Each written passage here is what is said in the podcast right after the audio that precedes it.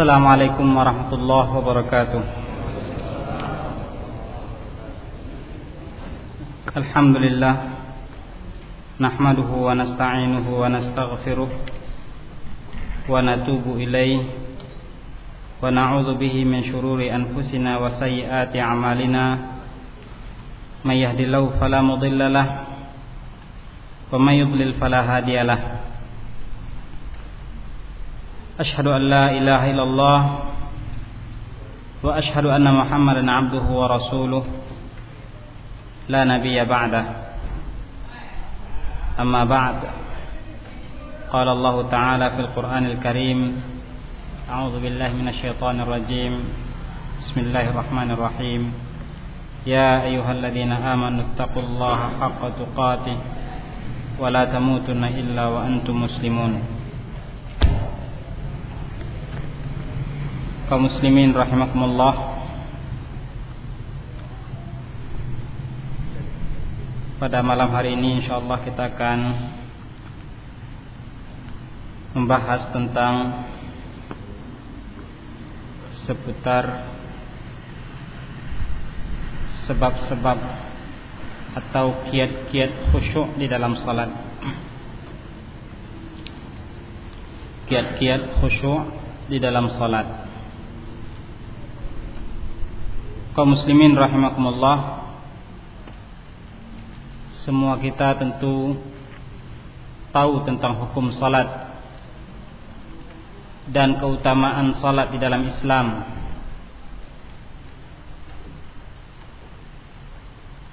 Setiap kita tentu punya pengalaman-pengalaman khusus di dalam salat ada di antaranya yang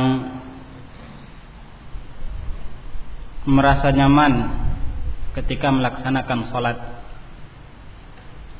Sebahagian kaum muslimin ada yang merasa bahwasanya salat ataupun tidak salat tidak ada pengaruh pada diri mereka karena mereka menganggap bahwasanya salat ini adalah merupakan sebuah beban. Sebagian lagi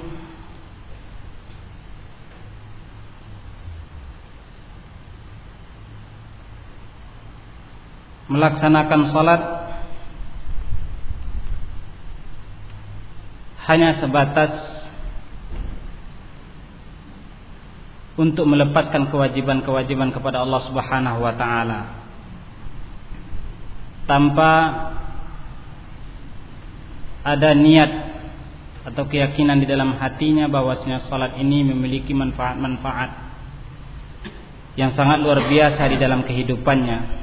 Dan apabila kita lihat sejarah Rasulullah sallallahu alaihi wasallam ataupun para salafus saleh dari kalangan sahabat ataupun generasi-generasi selanjutnya kita akan temukan bahwasanya mereka adalah orang-orang yang betul betul-betul menikmati betul-betul merasakan kenikmatan dari salat yang mereka laksanakan. Apa sebabnya? Di antara sebab-sebabnya adalah tatkala mereka telah berhasil untuk melaksanakan salat tersebut sesuai dengan apa-apa yang telah diperintahkan oleh Allah Subhanahu wa taala dan rasulnya.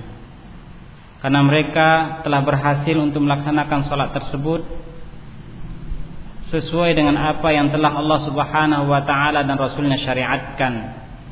Yang diantara syariat-syariat Allah Subhanahu wa taala dalam salat adalah al-khusyuk. Setiap kita diperintahkan untuk khusyuk di dalam salat.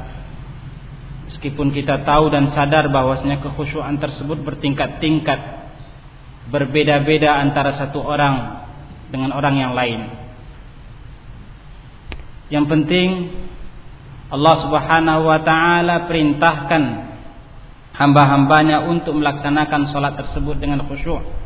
Rasulullah wasallam juga perintahkan umatnya untuk melaksanakan salat tersebut dengan khusyuk Allah Subhanahu wa taala dan rasulnya puji orang-orang yang melaksanakan salat tersebut dengan khusyuk.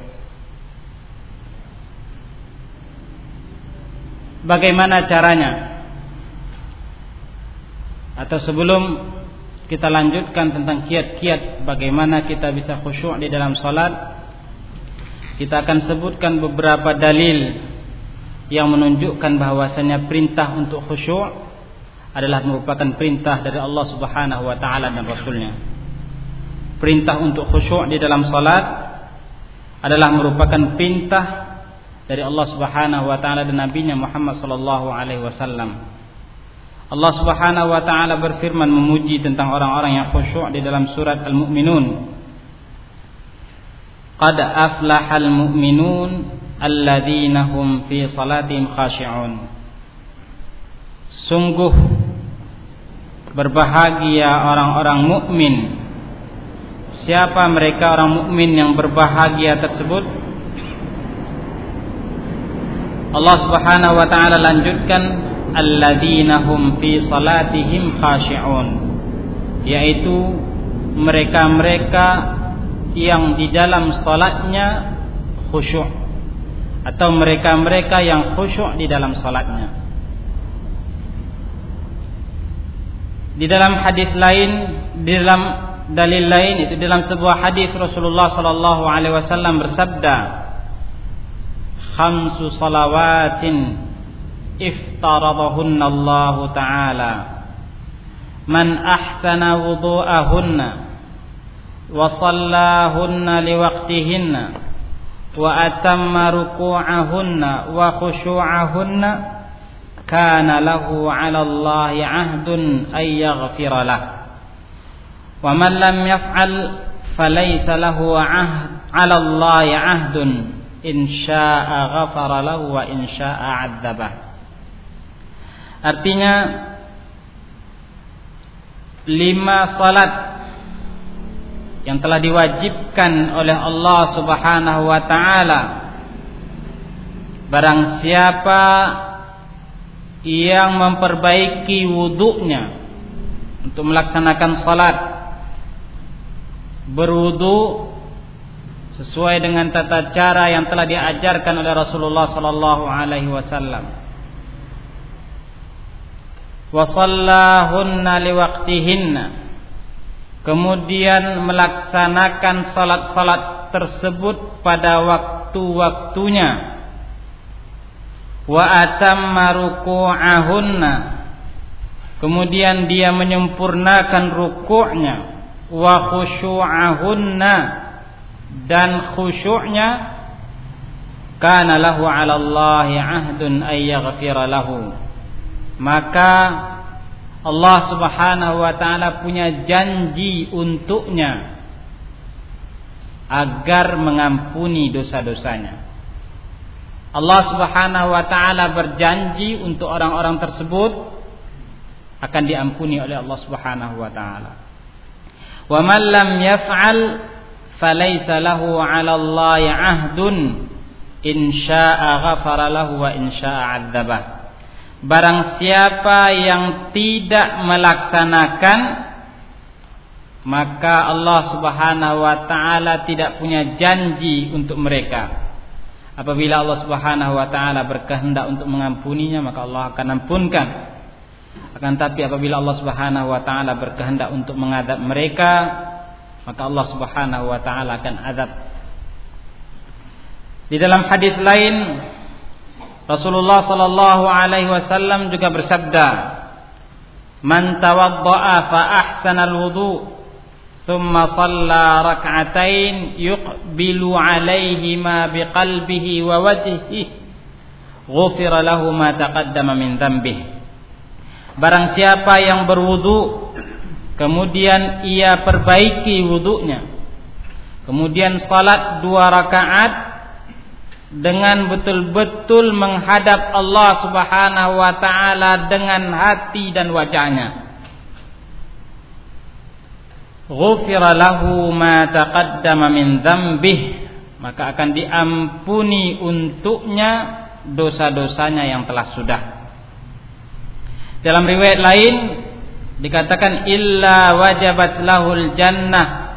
Barang siapa yang berwudu dengan wudu yang baik kemudian melaksanakan salat dua rakaat dengan sepenuh hati yang menghadap kepada Allah Subhanahu wa taala itu khusyuk.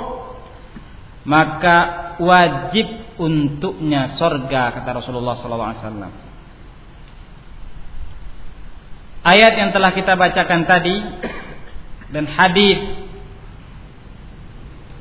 ini semua menunjukkan bahwasanya orang-orang yang mendapatkan keutamaan dari Allah Subhanahu wa taala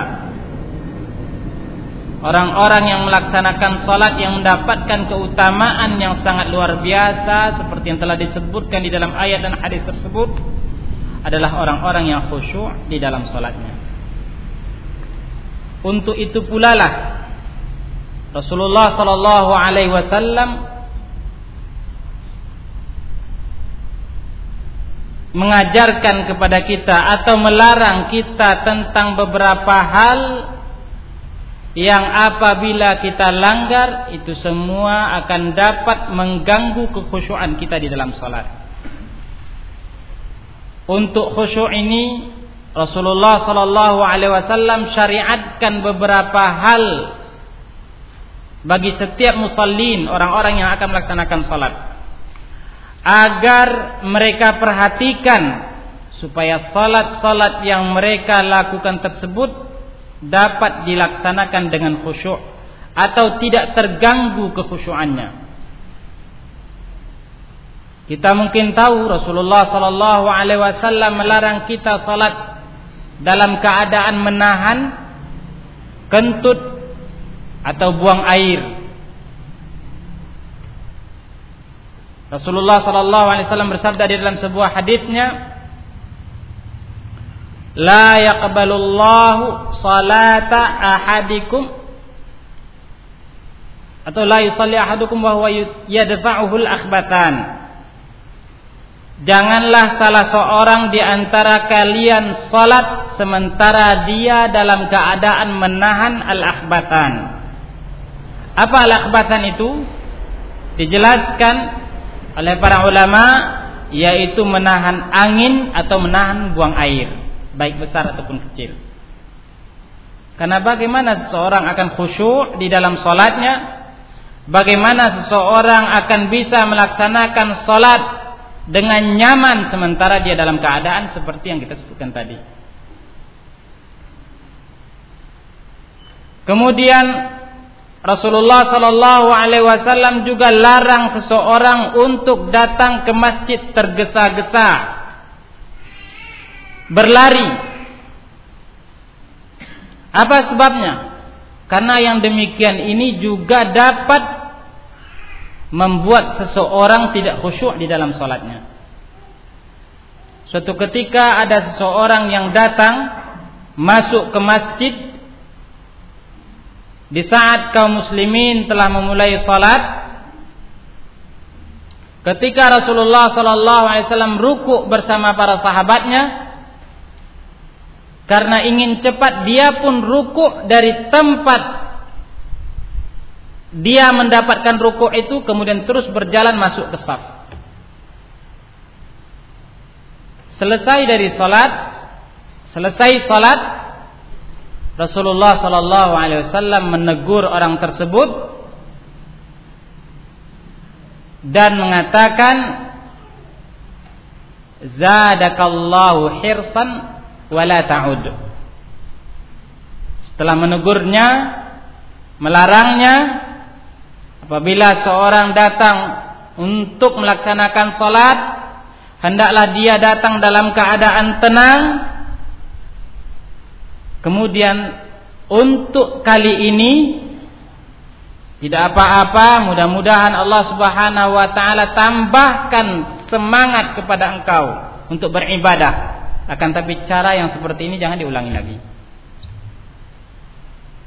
Dilarang oleh Rasulullah sallallahu alaihi wasallam tergesa-gesa untuk datang salat. Apa sebabnya?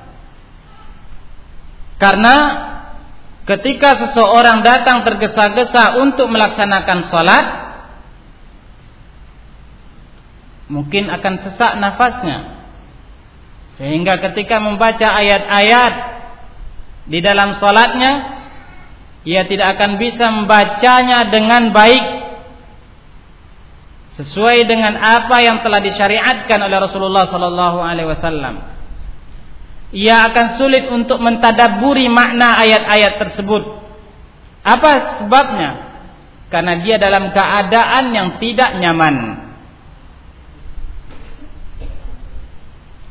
Rasulullah sallallahu alaihi wasallam juga larang untuk datang ke salat, untuk datang ke masjid untuk melaksanakan salat dalam keadaan bau yang tidak baik. Setelah makan bawang baik merah ataupun putih. Bawang merah atau bawang putih apa sebabnya? Tanpa mencuci, tanpa membersihkan mulut terlebih dahulu. Apa sebabnya? Karena bau-bau ini akan dapat mengganggu orang yang berada di sebelahnya. Bahkan di dalam hadis tersebut sampai-sampai malaikat pun tersiksa. Kenapa? Karena bau tersebut sehingga ia tidak bisa untuk melaksanakan salat dengan nyaman sehingga dia tidak bisa untuk khusyuk di dalam salat. Bagaimana dia akan khusyuk di dalam salatnya? Sementara orang yang berada di sebelahnya memiliki bau yang sangat luar.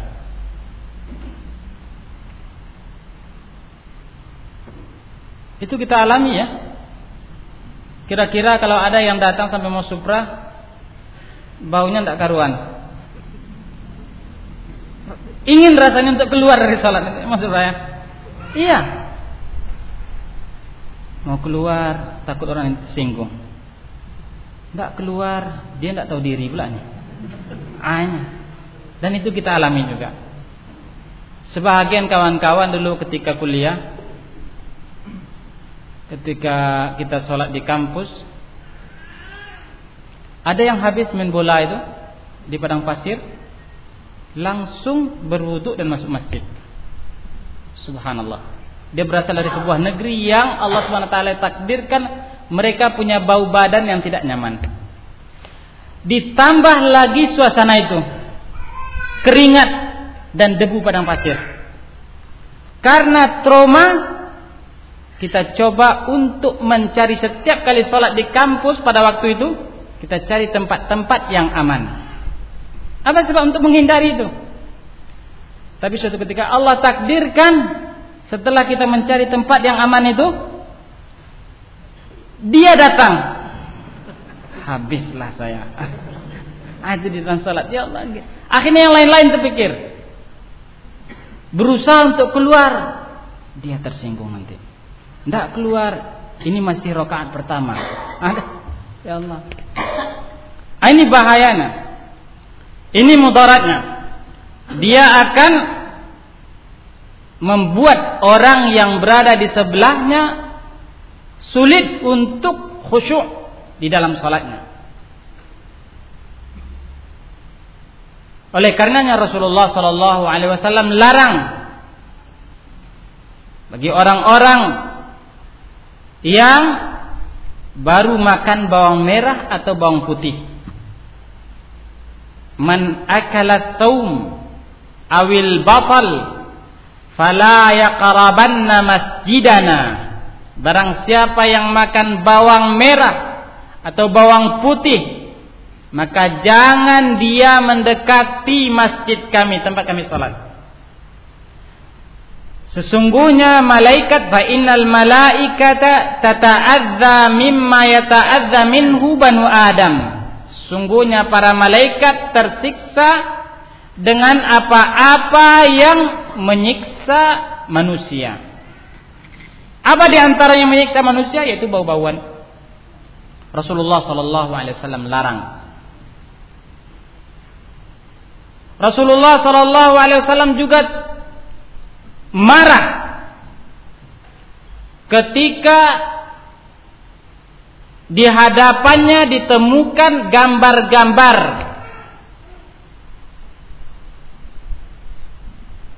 Di saat dia melaksanakan salat. Apa sebabnya? Karena ini juga dapat mengganggu kekhusyuan seseorang di dalam salat. Menyibukkan hati orang. Membuat orang yang melihat gambar tersebut sibuk. Sedang baca ayat, apalagi dia makmum misalnya mendengarkan bacaan imam saja. Di belakang kawan yang di depannya ada gambar-gambar.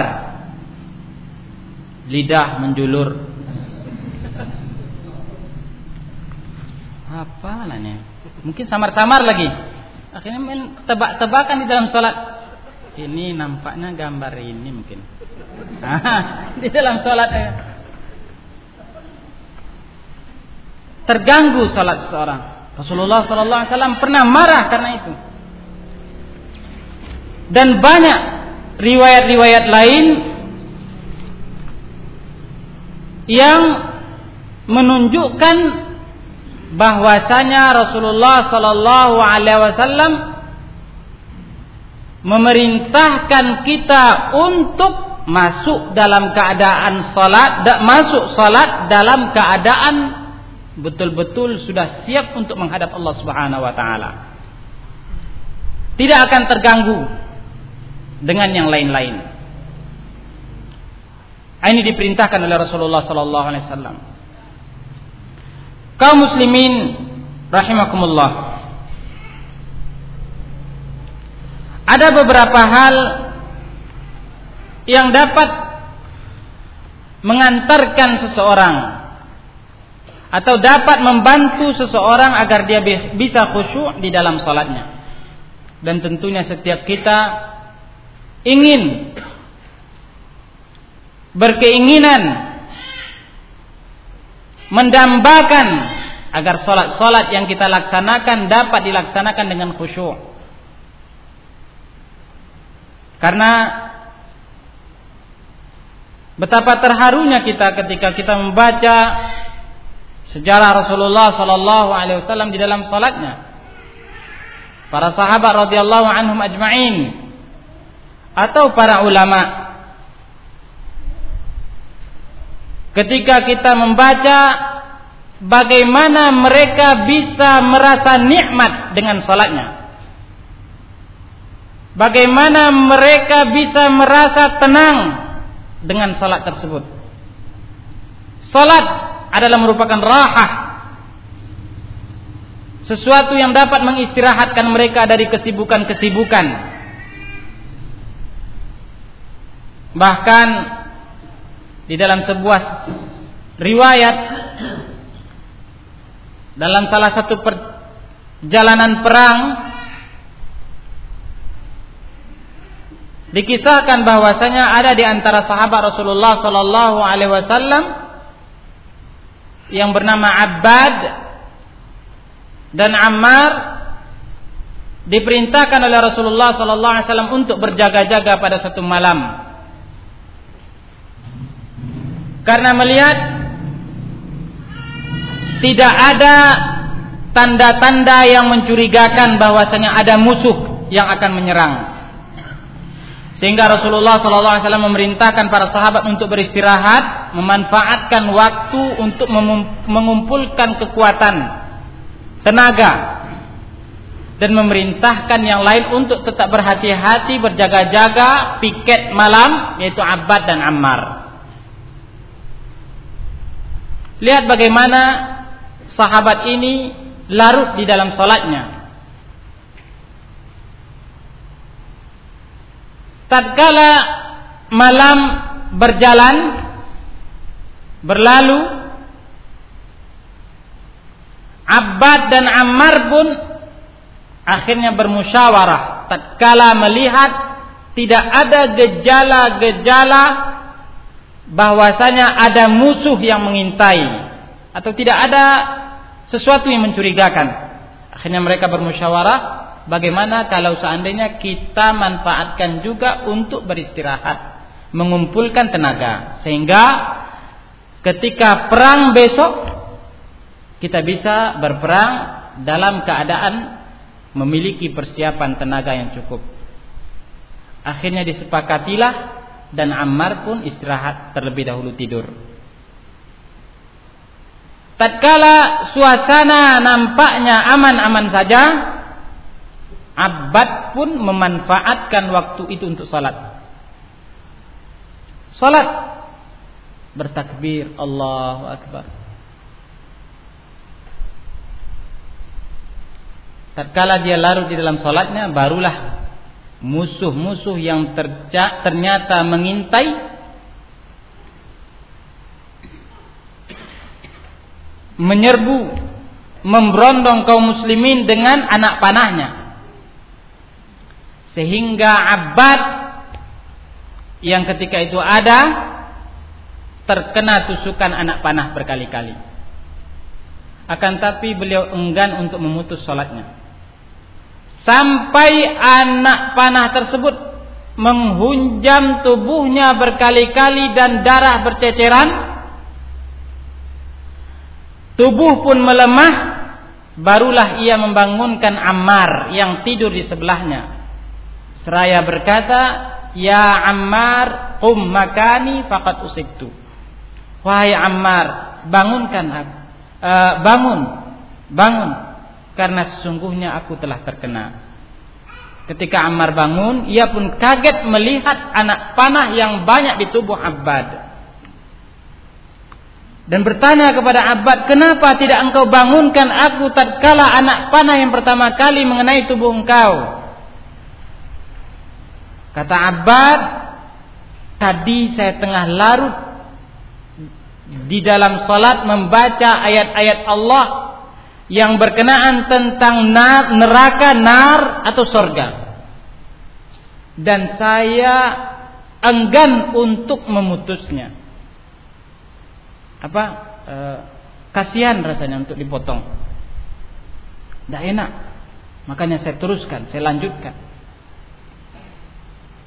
Dan ini pula lah riwayat cerita seperti ini pula lah riwayat seperti ini pula lah yang dijadikan oleh sebagian para ulama bahwasanya darah keluar dari manusia tidak membatalkan tidak membatalkan salat.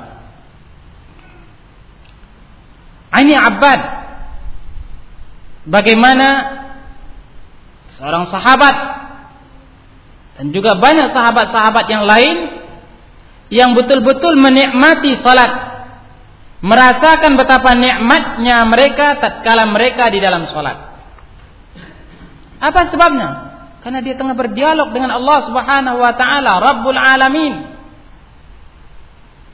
bagaimana Seseorang tidak akan bangga ketika dia tahu bahwasanya dia berdialog dengan zat yang sangat ia hormati dan ia cintai. Jangankan dengan Allah Subhanahu wa taala berdialog dengan pejabat-pejabat biasa-biasa saja kadang-kadang muncul rasa bangga di dalam diri kita. Kalau bisa diabadikan, diabadikan. Kalau kita bisa minta TV yang menyoting untuk menyerahkan kasetnya kepada kita mungkin kita akan minta untuk diabadikan pertemuan saya dengan gubernur Riau tanggal sekian dan sekian disimpan. Kenapa? Karena ada rasa bangga ketika berdialog dengan orang-orang yang kita hargai, yang kita hormati. Apalagi ini adalah merupakan dialog antara seorang hamba dengan Robnya. Akan tapi kadang-kadang itu tidak muncul atau tidak disadari oleh sebagian kaum muslimin sehingga mereka tidak merasakan nikmatnya salat tersebut. Kembali kita kepada apa yang ingin kita sampaikan pada kesempatan ini insya Allah kita akan sebutkan beberapa kiat-kiat atau cara-cara yang dijelaskan oleh para ulama menyimpulkan ayat-ayat Allah Subhanahu wa taala dan hadis-hadis Rasulnya agar kita bisa khusyuk di dalam salat kita. Kiat-kiat yang kita maksud adalah kiat-kiat yang memang diajarkan oleh Allah Subhanahu wa taala dan rasulnya. Kiat-kiat yang memang ada dasarnya baik dari Al-Qur'an atau hadis Rasulullah sallallahu alaihi wasallam. Bukan kiat-kiat agar khusyuk. Kiat-kiat yang dibuat-buat. Sekarang ada pelatihan khusyuk, salat khusyuk. Dibuat-buat. Sehari tuntas. Insya setelah itu bisa khusyuk langsung. Bahkan tidak sampai sehari. Dan bahkan itu sekarang menjadi trennya para pejabat. Instansi ini mengundang atau pemerintahan kota ini mengundang pejabat-pejabat eselonnya untuk menghadiri pelatihan salat khusyuk sehari setelah itu dirusak dengan maksiat-maksiat yang lain bertahun-tahun. Tidak ada manfaatnya. Pelatihan sehari, tidak sampai pula sehari. Maksiat berbondong-bondong menyerang. Tidak akan tercapai. Ditambah lagi kiat-kiat ini bukan kiat-kiat yang memang diajarkan oleh Allah Subhanahu wa taala dan Rasulnya. Sebagian. Nah, kiat-kiat yang kita maksud adalah kiat-kiat yang memang diajarkan oleh Allah Subhanahu wa taala dan Rasulnya. Yang pertama yaitu bersiap-siap atau mempersiapkan diri untuk melaksanakan salat dengan persiapan yang baik. Mulai dari ketika muadzin datang berkumandang mengumandangkan azan diikuti apa yang dikatakan oleh muadzin. Artinya hadir ke masjid ke tempat untuk melaksanakan salat lebih awal. Kemudian setelahnya berusaha untuk bersiwak karena ini diajarkan oleh Rasulullah sallallahu alaihi wasallam dan bahkan Rasulullah sallallahu alaihi wasallam bersabda dalam sebuah hadisnya, "Laula an asyqa ala ummati la amartuhum bisiwak inda kulli salah." Kalaulah tidak menyulitkan bagi umatku, pasti aku akan wajibkan bagi mereka untuk bersiap bersiwak setiap kali salat. Bersiap-siap sebelum sholatnya dengan siwak. Kemudian mempersiapkan diri dengan pakaian yang baik. Karena Allah Subhanahu wa taala memerintahkan hal yang demikian.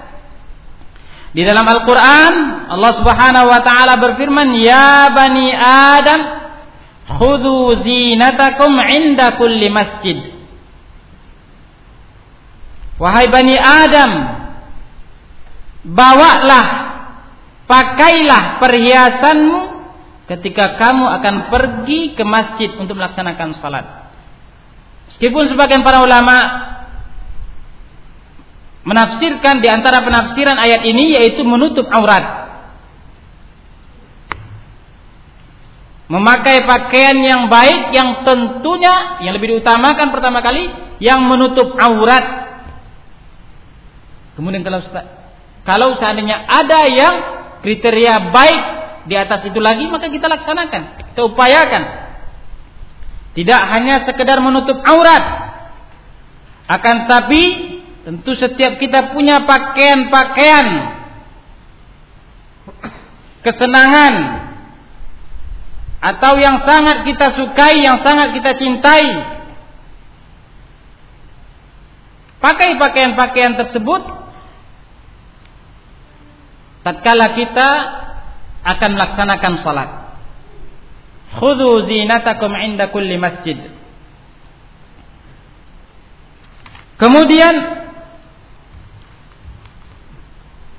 yang kedua yaitu at-tama'ninah fi shalah. Tama'ninah di dalam salat. Tenang. Tama'ninah di dalam salat.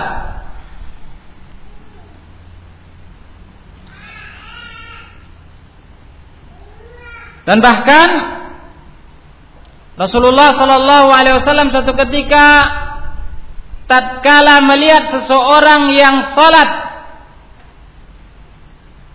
tidak memenuhi syarat-syaratnya di antaranya tomak nina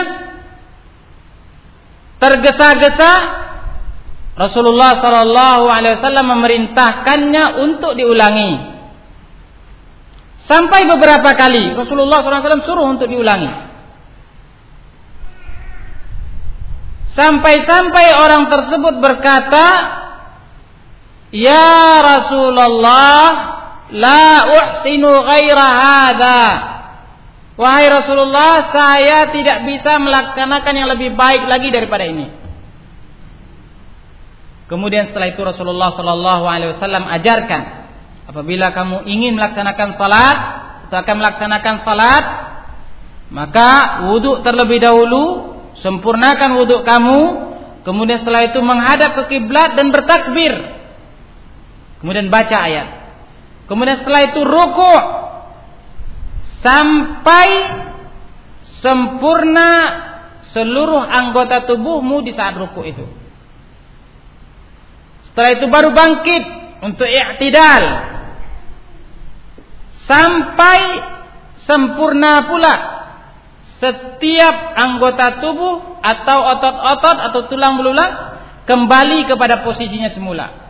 Kemudian sujud begitu pula duduk di antara dua sujud dan seterusnya sampai salam. Kemudian setelah itu Rasulullah Sallallahu Alaihi Wasallam katakan, sungguhnya tidak sempurna salat salah seorang di antara kalian sampai dia melaksanakan hal yang demikian. Pamaknina artinya tidak tergesa-gesa di dalam salat. Betapa banyak kita melihat kaum muslimin yang terburu-buru di dalam sholat mereka. Ingin cepat. Bahkan kadang-kadang kita berpikiran apakah dia membaca bacaan-bacaan sholat atau tidak di dalam sholatnya. Apa sebabnya? Karena cepatnya dia di dalam sholat. Dan ini tentunya bertentangan atau berlawanan dengan tamak nina yang diperintahkan oleh Rasulullah sallallahu alaihi wasallam.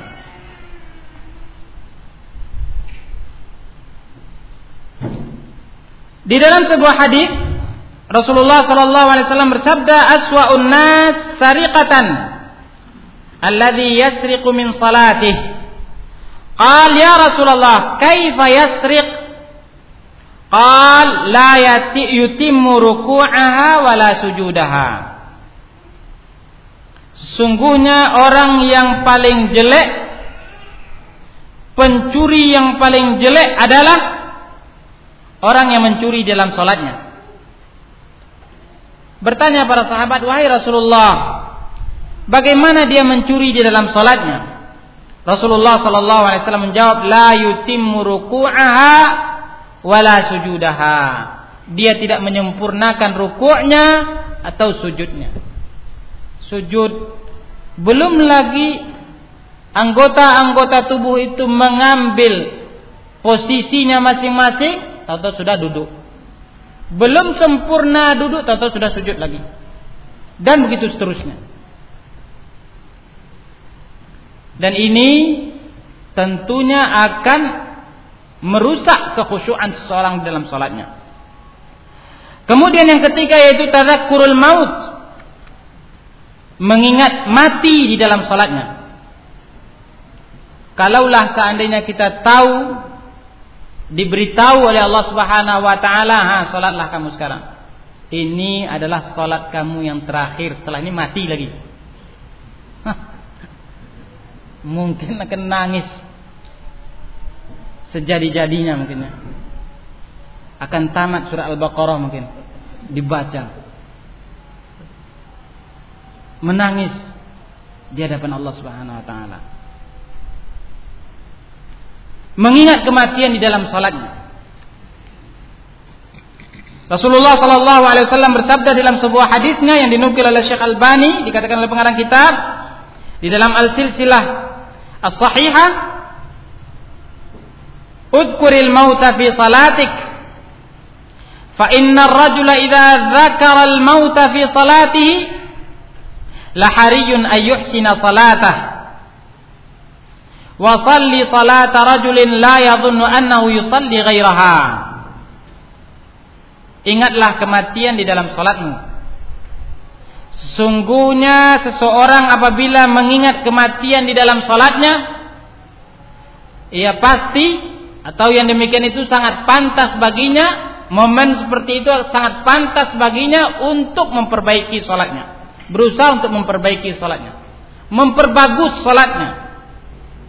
Dan salatlah seperti salat seseorang yang ia tahu bahwasanya dia tidak akan sholat setelah ini lagi. Setelah ini akan mati.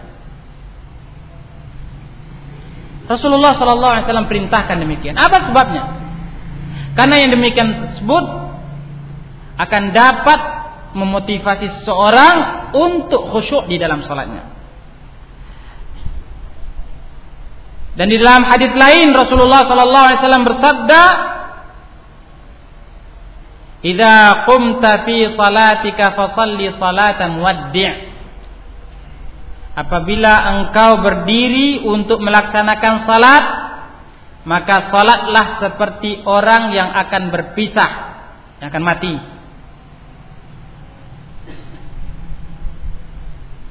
Ini di antaranya itu mengingat kematian di dalam salat. Kemudian di antara hal-hal lain yang juga dapat mendorong seorang untuk khusyuk di dalam salatnya mentadaburi ayat-ayat yang dia baca atau zikir-zikir yang ada di dalam salat kemudian berusaha untuk bisa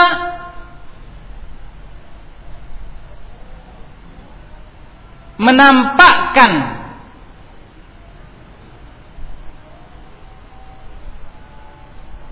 Eh, pengaruh-pengaruh atau untuk bisa terpengaruh di dalam di dalam salatnya tersebut. Ketika dia membaca bacaan-bacaan salat, ketika dia sadar bahwasanya ia telah mengucapkan sami Allahu liman hamidah atau Allahu akbar. Allah yang maha besar. Apa pengaruh dari bacaan tersebut untuk salatnya? ia akan merasa kerdil, kecil di hadapan Allah Subhanahu wa taala. Sehingga segala sesuatu yang mendatangkan kesombongan pada seorang akan lenyap mudah-mudahan ketika dia sadar dan tahu paham makna Allahu Akbar tersebut. Berusaha untuk bisa menghayati bacaan-bacaan salat tersebut. Di antara hal-hal yang dapat membantu seseorang untuk bisa mentadaburi makna ayat-ayat yang ia baca yaitu mengulang-ulangi bacaan ayat-ayat yang dia baca. Tentunya ayat-ayat yang membuat ia tersentuh. Ketika membaca tentang sorga, ketika membaca tentang neraka, atau tatkala dia baru mendapatkan nikmat dari Allah kemudian membaca ayat-ayat yang berkenaan dengan nikmat. Berusaha untuk ia ulang-ulang sehingga yang demikian tersebut akan dapat membantunya untuk bisa mentadaburi makna ayat-ayat tersebut. Dan itu dilakukan oleh para salafus saleh radhiyallahu anhum ajmain. Dan bahkan Nabi kita yang mulia Muhammad sallallahu alaihi wasallam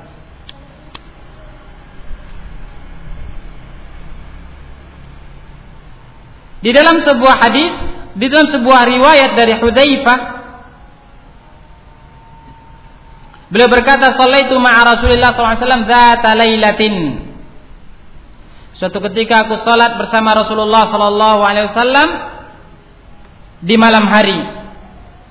idza marra bi ayatin fiha tasbihun sabbah apabila beliau membaca ayat yang mengandung tasbih maka beliau bertasbih. Wa idza marra bi su'alin sa'al. Apabila beliau membaca ayat-ayat yang berkenaan tentang masalah doa maka dia berdoa meminta pada Allah Subhanahu wa taala. Apabila dia membaca ayat-ayat yang berkenaan tentang masalah ta'awud berlindung kepada Allah Subhanahu wa taala maka dia berlindung kepada Allah Subhanahu wa taala dan dinukil bahwasanya riwayat ini itu tatkala Rasulullah sallallahu alaihi wasallam melaksanakan qiyamul lail. Itu salat sunat.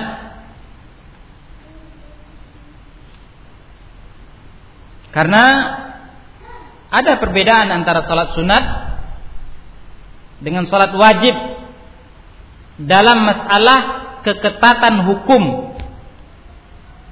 Di dalam salat wajib, hukum-hukum salat lebih ketat dibandingkan dengan salat sunat.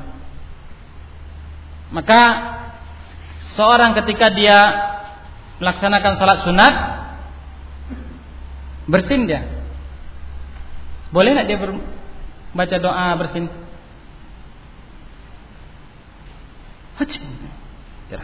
Alhamdulillah. Dalam salat dia baca alhamdulillah. Boleh nak? Boleh. bagi orang yang bersin itu boleh dia untuk berdoa. Bukan berarti bagi orang yang mendengarkan boleh untuk membaca ya. Bagi orang yang bersin ada riwayat yang menerangkan bahwasanya salah seorang sahabat ketika bersin dia membaca itu dan itu didiamkan. Yang dibolehkan oleh Rasulullah sallallahu alaihi wasallam. Kemudian di dalam salat sunat seseorang boleh duduk meskipun dia mampu untuk berdiri. Akan tapi itu tidak sah bagi orang yang mampu untuk berdiri dalam salat wajib. Atas dasar ini pula lah sebagian para ulama membolehkan seseorang untuk salat dengan melihat mushaf Al-Quran kalau seandainya yang demikian itu lebih memudahkan dia untuk khusyuk di dalam salat kalau lebih memudahkan, silahkan. Tapi kalau ternyata menyulitkan, maka lakukan sesuatu yang lebih bisa membawa kita untuk bisa khusyuk di dalam sholat. Payah rasanya membawa mushaf karena mushaf yang ada besar di masjid itu. Nah, jangan pula dipaksa-paksakan. Oh, ini sebelahnya namanya bawa mushaf ini. Enak juga kayak gini nampaknya. Kita pegang besar. Ada mulai rukuk orang tak kalang kabut macam mana kan tak sini kena marah orang sebelah nanti kita Al-Quran masa ditaruh di bawah mau dipegang payah ini kalau seandainya itu menyulitkan kita untuk khusyuk maka jangan laksanakan tapi kalau lebih memudahkan untuk khusyuk silakan laksanakan itu fatwa sebagian para ulama diperbolehkan apalagi bagi orang-orang yang tidak memiliki hafalan yang panjang banyak Sementara imam membaca ayat-ayat yang panjang. Apa yang dibaca ustaznya? Panjang kali nampaknya ini. Bisa juga dia menghafal sepanjang ini. Astagfirullah. Nah, yang itu yang terpikir dalam salat akhirnya. Hebatlah ustaz ini nampaknya. Nah. Dilihatnya Al-Quran. Akhirnya apa yang dibaca ustaz itu diiringnya terus. Sehingga dia tambah khusyuk dalam salatnya. Lebih fokus dalam sholatnya maka silakan lakukan itu daripada dia memikir yang tidak tidak tadi kayak orang bercanda aja dalam sholatnya jadi nah, laksanakan itu dalam sholat sunat makanya ini yang kita katakan tadi itu diriwayatkan bahwasanya itu dilaksanakan oleh Rasulullah SAW tatkala sholat sunat dan banyak kiat-kiat lain masih ada kiat-kiat lain yang disebutkan oleh pengarang kitab disebutkan oleh para ulama agar kita bisa khusyuk di dalam sholat kita Insyaallah mudah-mudahan kita bisa lanjutkan pada pertemuan yang akan datang karena katanya dua kali pertemuan Ustaz Mudul ya. Insyaallah uh, pada ahad yang akan datang kita akan lanjutkan untuk membahas tentang kiat-kiat agar kita bisa khusyuk di dalam salat. Mudah-mudahan kita bisa memperbaiki salat-salat kita sehingga salat-salat yang kita laksanakan dapat berguna dan membawa pengaruh yang sangat luar biasa dalam kehidupan kita sehari-hari. Mungkin itu saja untuk kajian pada hari ini. Karena judulnya belum selesai, tidak usah ditanya dulu. Ditanya nanti kalau sudah selesai. Nanti kita lihat pula pada minggu depan. Kalau ternyata waktunya pendek, kita tunda pada pertemuan berikutnya. Iya. Itu saja. Subhanakallahumma bihamdika asyhadu an. Assalamualaikum warahmatullahi wabarakatuh.